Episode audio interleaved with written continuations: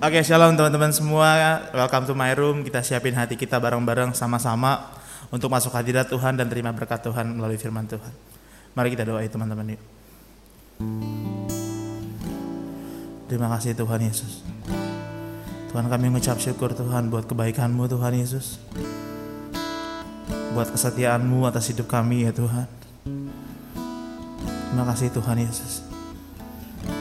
Ya Tuhan.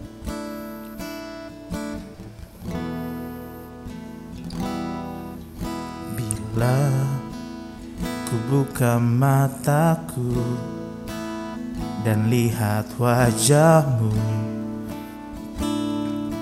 Ku terkagum bila ku lihat hidupku dan karya tanganmu. Ku tersanjung karena semua yang baik dalam hidupku Itulah karyamu Tuhan. Itulah karyamu. Kau beri kesempatan yang baru Dan ku ingin mengenalmu Tuhan lebih dalam dari semua yang ku kenal. Amin. Tiada kasih yang melebihimu. Ku ada untuk menjadi penyembahmu. Ya Tuhan ini isi hati kami ya Tuhan Yesus. Bila mataku dan lihat wajahmu. Ku terkagum bila ku lihat hidupku dan karya tanganmu. Ku tersanjung karena semua yang baik dalam hidupku. Itulah karyamu kau beri kesempatan yang baru dan ku ingin mengenalmu Tuhan lebih dalam dari semua yang ku kenal Tiada kasih yang melebihimu. Ku ada untuk menjadi penyembahmu. Oh Tuhan Dan ku ingin mengenalmu Tuhan. Lebih dalam dari semua yang ku kenal. Tiada kasih yang melebihimu. Ku ada untuk menjadi penyembahmu dan ku Dan ku ingin mengenalmu Tuhan Lebih dalam dari semua yang ku kenal. Tiada kasih yang melebihimu. Ku ada untuk menjadi penyembahmu. Mari sembah dia. Oh haleluya haleluya. Haleluya. Kami sembah engkau Haleluya Jesus. Haleluya Kau Allah yang besar Yang maha kuasa Tuhan. Ya lalabaya syandara labara labara Haleluya Haleluya Haleluya kami sembah Engkau Yesus Tuhan Yesus Tuhan. Haleluya Haleluya. Ajar kami mengenal Engkau lebih lagi. Yesus.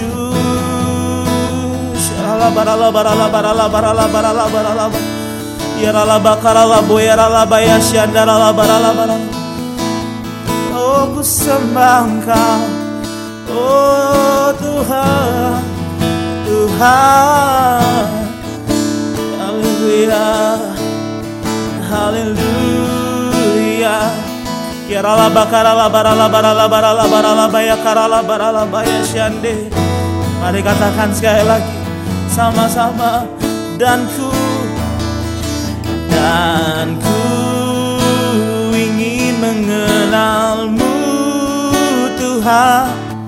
Lebih dalam dari semua yang ku kenal tiada kasih yang melebihimu. Ku ada untuk menjadi penyembahmu. Dan ku ingin mengenalmu. Tuhan yes Lord lebih dalam dari semua yang ku kenal tiada kasih yang melebihimu ku ada untuk menjadi penyembahmu ada Tuhan, ku ada untuk menjadi penyembahmu. Ku ada untuk menjadi penyembahmu. Haleluya, ya Tuhan. Kami ingin mengenalmu lebih lagi. Yesus Tuhan, haleluya. Ya Terima kasih ya Tuhan Yesus. Tuhan terima kasih Tuhan. Biar Tuhan ajar kami Tuhan mulai dari hari ini Tuhan. Kami ingin kenal Engkau lebih lagi ya Tuhan Yesus. Banyak berbicara sama kami ya Tuhan Yesus. Hari ini Tuhan berkati kami. Bukan ber, dengan berkat materi yang fana saja Tuhan. Tapi berkati kami dengan firman-Mu ya Tuhan. Terima kasih Tuhan kami mengucap syukur. Di dalam nama Tuhan Yesus, haleluya. Amin. Shalom semuanya, apa kabar? Uh, berharap semua dalam keadaan sehat dan Tuhan karena Tuhan yang selalu menyertai dan melindungi kita. Mari kita buka dalam kitab Mazmur 139 ya. Mazmur yang sudah sangat familiar. Uh, judulnya doa di hadapan Allah yang Maha Tahu ya. Kita baca ayat 1 dan 2. Untuk pemimpin biduan Mazmur Daud. Tuhan, engkau menyelidiki dan mengenal aku. Engkau mengetahui kalau aku duduk atau berdiri. Engkau mengerti pikiranku dari jauh. Segini dulu. Nah, eh, ayat ini banyak sekali buat saya pribadi sangat menjaga kehidupan saya di dalam kita mengarungi kehidupan hari lepas hari, setelah selesai kita mengakhiri hari itu, kita bersaat teduh, kemudian kita juga sudah uh, siap-siap mau beristirahat ya. Tapi banyak sekali kadang pikiran yang masih mengganjal. Meskipun kita sudah minta ampun sama Tuhan, kita sudah beres-beres, tapi pikiran itu kadang-kadang nggak mau diem ya. Makanya ada satu penulis buku terkenal yang menulis judulnya adalah pikiran adalah medan peperangan. Ya begitulah di dalam sebelum kita sampai pules gitu tidur ya, pikiran ini terus masih bermain, masih rasanya nggak uh, apa ya belum tuntas ya belum tuntas. Kita masih suka kesel sama orang, kalau persoalan itu berlarut-larut ya, kita kadang-kadang juga uh, enggak kita kecewa sama orang. Itulah malam hari kadang-kadang menjadi tempat pikiran ini apa ya per, pertempur gitu istilahnya ya. Tapi ayat ini sungguh luar biasa. Tadi dikatakan uh, sebentar. Engkau Tuhan mengetahui kalau aku duduk atau berdiri, Engkau mengerti pikiranku dari jauh. Jadi sekalipun hanya saya nih ya, suami saya di sebelah saya juga nggak tahu. Tapi ayat ini berkata, Engkau mengerti pikiranku dari jauh, ya. Dan apalagi saya orang yang sangat istilahnya menyadari bahwa ada Roh Kristus di dalam diri saya. Tapi saya kadang-kadang nggak mampu Pikiran itu terus bekerja ya. Ini belum ngomong secara fisik sama sekali, tapi bahkan dalam pikiran pun ya. Seringkali orang-orang Kristen banyak bergumul dan kalah di situ. Nah, untuk itulah saya bersyukur sekali ada firman ini ya yang menjagai saya, yang membuat saya nggak berani terlalu terlampau uh, terlena atau terlampau jauh bermain-main dengan pikiran ya eh, sepanjang hari kita sibuk ya. Kadang ada hal yang menjengkelkan tapi kita lupa nggak langsung beresin sehingga malam hari itu mulai timbul, mulai ingat lagi ya.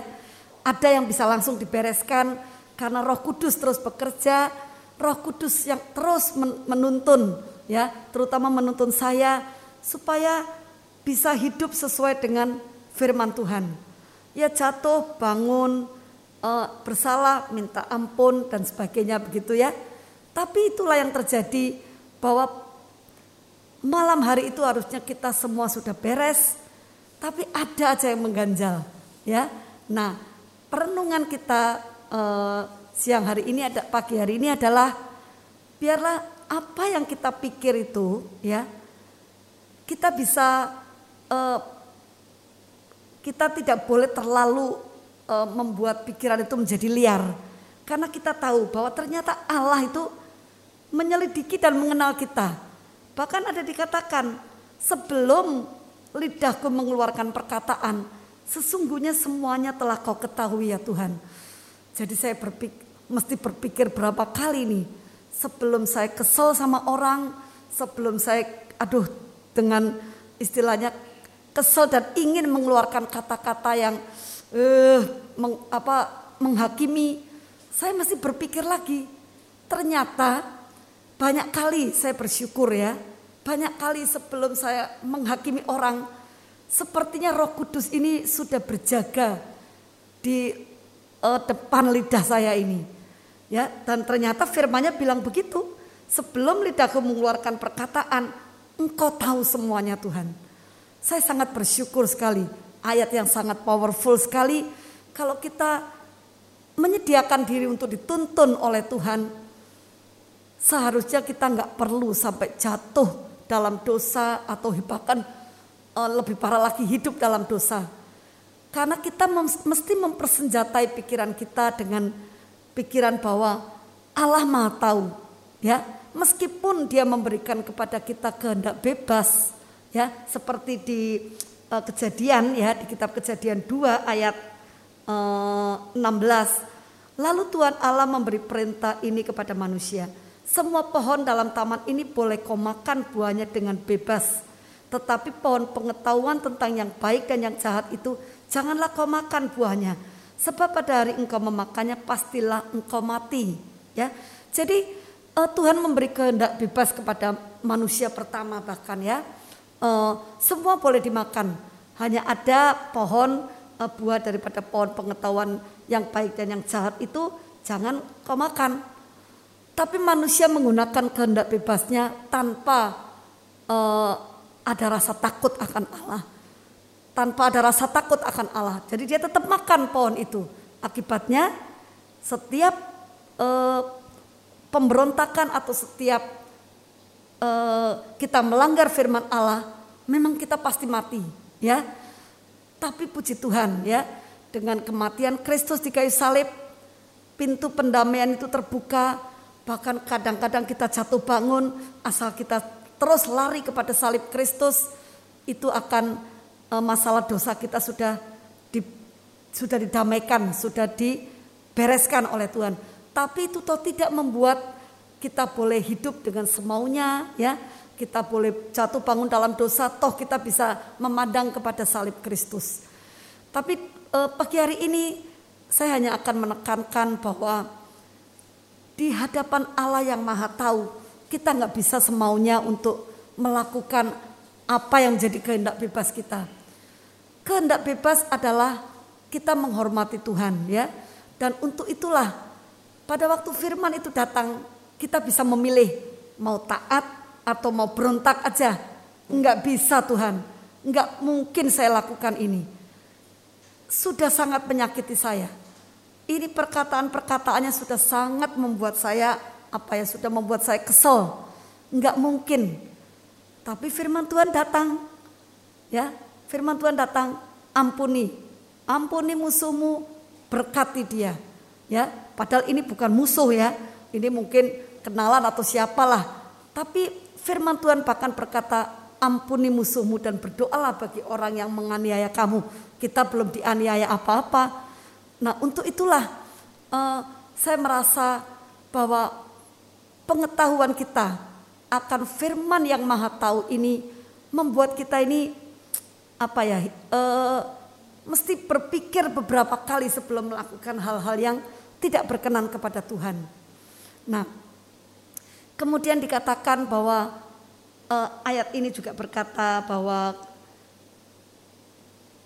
Selidikilah aku ya Allah dan kenalah hatiku. Ujilah aku dan kenalah pikiran-pikiranku. Kalau lagi uh, macam-macam pergumulan ya yang belum terselesaikan, saya bahkan suka nggak berani ngomong ayat ini. Tapi pada waktu saya sudah bereskan semuanya, baru kita sama Tuhan begitu terbuka ya. Ini adalah ayat-ayat perenungan ya, nggak ada orang tahu apa pun pergumulan saya. Suami di sebelah saya, anak saya di kamar lain yang satu rumah tidak ada yang tahu. Tapi inilah hubungan hak, hakikat hubungan kita dengan Tuhan adalah keterbukaan. Buat apa kita uh, sembunyikan perkara-perkara yang tidak baik ya? Tidak baik bukan berarti mesti gede ya. Kita mau membunuh orang, kita mau apa berzina atau apa bukan. Pikiran-pikiran kecil tapi yang saya tahu ya tidak berkenan kepada Tuhan. Dan saya percaya Tuhan mau itu dibereskan. Nah, ayat-ayat di, di Mazmur 139 itu sangat membantu saya untuk berpikir berpikir ulang apakah betul saya akan terus memikirkan hal ini apakah betul saya uh, ya saya kadang-kadang bilang ini oke okay lah saya ampuni karena firman itu berkata begitu. Tapi saya nggak mau banyak berurusan dengan dia. Saya tidak mau uh, ya menolong dia. Saya pikir itu kan tidak bersalah. Tapi firman itu datang lagi kepada saya. Hatimu belum belum pulih nak. Ayatnya kembali datang juga. Marilah kepadaku yang letih lesu dan berbeban berat. Aku akan memberi kelegaan. Jadi begitulah ya proses kita bertumbuh adalah kita harus ingat ya. Di hadapan Allah yang Maha Tahu kita punya kehendak bebas tapi kita tidak mau menggunakannya untuk hal-hal yang akan menyakiti dia ya. Jadi kalau mau ngomong yang kasar mau ngomong yang enggak uh, yang apa ya yang mungkin menyakiti orang kita ingat bahwa Roh Kudus sudah tahu apa yang akan kita ucapkan. Kita tarik kembali, ya. Kemudian bukan menonton konten yang tidak baik. Tapi saya tahu kalau masih banyak saat teduh sudah tapi saya tuh masih ingat misalnya ya, ada satu uh, firman yang orang bilang ini oke okay lah. Ada satu atau satu firman yang belum saya ulang yang saya masih belum mengerti. Tapi saya tertarik terus terang aja ah lihat apa, lihat apa. Sekalipun yang dilihat itu sama sekali tidak tidak buruk, tidak berbahaya. Tapi langsung Roh Kudus bilang, apakah kamu bisa memprioritaskan yang ini lebih dulu daripada yang yang yang sana. Oh Tuhan, terima kasih. Baiklah Tuhan. Ya, kadang saya berjuang untuk itu. Oke, oke, saya ngerti Tuhan. Atau saya punya banyak pekerjaan yang menurut saya, wah ini bisa menghasilkan lebih banyak ini. Saya beresin ini dulu. Tapi Tuhan bilang, kamu janji katanya mau uh, apa dengar dengar khotbah ini dulu sebelum yang lain. Saya tahu. Jadi ke, kehendak bebas itu biarlah kita pakai benar-benar untuk mempermuliakan Tuhan, bukan untuk kita uh, istilahnya, oh saya toh tidak melakukan yang salah Tuhan, saya melakukan apa yang benar menurut saya dan saya akan lakukan itu. Tapi dalam kehidupan saya pribadi itu ternyata tidak bisa. Kesadaran bahwa Roh Kudus itu ada di dalam hidup saya membuat saya berpikir ulang Bahkan untuk hal-hal yang kecil misalnya. Saya pengen berlibur atau saya pengen pergi. Tapi saya mau mastiin dulu bahwa Tuhan juga berkenan. E, karena misal itu kan keputusan yang cukup ini ya, saya mesti misalnya meninggalkan rumah dan sebagainya ya, bukan urusan Tuhan saya mau sikat gigi atau saya mau mandi dulu itu bukan seperti itu. Tapi perkara-perkara yang cukup e, besar yang e, saya harus ambil keputusan kesadaran bahwa Allah ada di, di hati saya, Roh Kudus menguasai saya, Allah Maha Tahu membuat saya mesti benar-benar berpikir ulang, membuat saya benar-benar mesti uh, tanya benar-benar apakah ini kehendak Tuhan yang yang baik yang benar, ya. Jadi itulah uh, sekilas perenungan kita pada pagi hari ini di mana uh, kita mesti ingat ya bahwa di hadapan Allah yang Maha Tahu kita nggak bisa main-main, kita nggak bisa sembunyikan di balik mungkin uh, jabatan kita di gereja mungkin ya, kemudian kita nggak bisa sembunyikan itu di dalam aktivitas kita, tapi di hadapan Allah yang Maha Tahu kita masih terbuka ya, kita mesti uh, apa ya kita mesti membereskan semuanya. Mungkin kalau nggak bisa satu hari, besok kita terus lagi.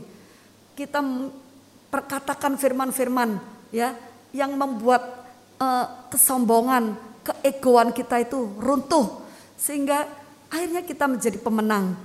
Kita bisa menghadapi segalanya dengan hati yang terbuka di hadapan Tuhan. Oke, nah, sekian uh, sharing firman ini. Mari kita berdoa. Bapa di surga, terima kasih Tuhan. Apa yang sudah kau ajarkan kepada hambamu ini Tuhan. Boleh hamba sharingkan dan biarlah kami semua bersama-sama belajar Tuhan. Kami mau lebih banyak lagi belajar untuk kami tidak hanya menjadi pendengar tapi menjadi pelaku daripada firman-Mu. Kami tidak hanya menjadi orang Kristen biasa, tapi sungguh kami adalah murid-muridmu Tuhan. Yang melakukan apa yang menjadi kehendakmu. Karena kami tahu Tuhan. Firmanmu yang berkata. Di hadapan Allah yang maha tahu. Semuanya terbuka. Kami semua telanjang di hadapanmu Tuhan. Dan engkau dengan lembut. Terus akan menolong kami. Terus akan mengajari kami. Terima kasih Allah Roh Kudus untuk segala perkara indah yang kau sediakan bagi kami. Buat kami orang-orang yang mengasihi firman-Mu, yang merindukan untuk selalu taat dalam melakukan firman-Mu. Terima kasih Bapakku, terima kasih. Di dalam nama Yesus kami sudah berdoa dan bersyukur. Haleluya. Amin.